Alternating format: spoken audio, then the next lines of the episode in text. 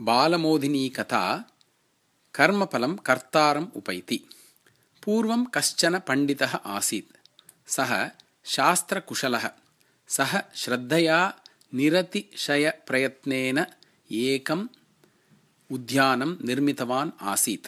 तत्र बहवः वृक्षाः लताः सस्यानि च आसन्। अतः उद्यानतः प्रभूतं धनं प्राप्यते स्म धनसञ्जयः यदा अधिकः जातः तदा पण्डिते कृपणताबुद्धिः प्रवृद्धा। किमपि दातुं तस्य मनः सज्जं न भवति स्म। एकदा सः कार्यनिमित्तं ग्रामान्तरं गतवान्। तदा काचन गौः तस्य पण्डितस्य उद्यानं प्रविश्य लतासस्यादीनि अखादत्। कार्यं समाप्य गृहम् आगतः पण्डितः उद्याने सस्यखादने मग्नां गावं दृष्ट्वा महता क्रोधेन दण्डेन ताम् अताडयत् हा कष्टं तस्मात् धेनुः तत्रैव प्राणवियोगं प्राप्नोत्। पण्डितः दिग्भ्रान्तः जातः। सः नितरां दुःखितः अभवत्। अचिरात् एव कर्मफलं पापपुरुषरूपं धृत्वा तं पण्डितं गृहीतुम् आगतम् तत् दृष्ट्वा भीतः पण्डितः कञ्चन उपायं कृतवान्। सः पापपुरुषम् उक्तवान्। वेदान्तरीत्या हस्तस्य अधिदेवता इन्द्रः। अतः दण्डग्रहणं गोदाडनं च तेन इन्द्रेण कृतं न तु मया।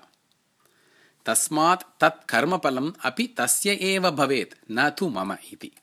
एतत् श्रुत्वा सः पापपुरुषः इन्द्रं गृहीतुं गतवान् सर्वं ज्ञात्वा इन्द्रः क्षणकालं मौनेन अतिष्ठत्। ततः सः मायया वृद्धरूपं धृत्वा पण्डितस्य उद्यानम् आगतवान्। रम्यं तत् उद्यानं बहुधा श्लाघितवान् सः। तत् श्लाघनं श्रुत्वा नितरां सन्तुष्टः पण्डितः उक्तवान् एतत् उद्यानं मया स्वपरिश्रमेण एव निर्मितं। प्रतिदिनं स्वहस्तेन एव सस्येभ्यः जलं दत्तं मया एताभ्यामेव हस्ताभ्यां सर्वेषां पोषणं कृतम्। अतः एव एतत् उद्यानम् एवं शोभते इति। तदा इन्द्रः अपृच्छत् एतस्मात् उद्यानात् यत् फलादिकं प्राप्येत तस्य अधिकारी अन्यः किम् अस्ति इति। कथं भवेत् अन्यः अधिकारी? परिश्रमः सर्वः मम एव।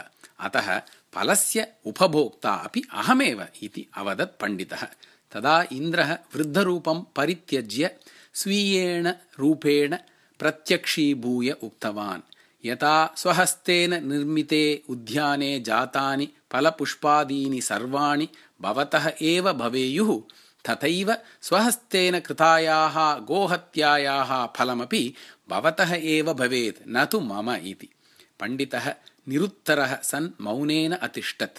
तावता तत्र उपस्थितः पापपुरुषः तं पण्डितं गृहीतवान् प्रियम् अप्रियं वा कर्मफलं कर्तारमेव अनुगच्छति इति स्वगतं पदन् पण्डितः विनावचनं पापपुरुषम् अनुसृतवान्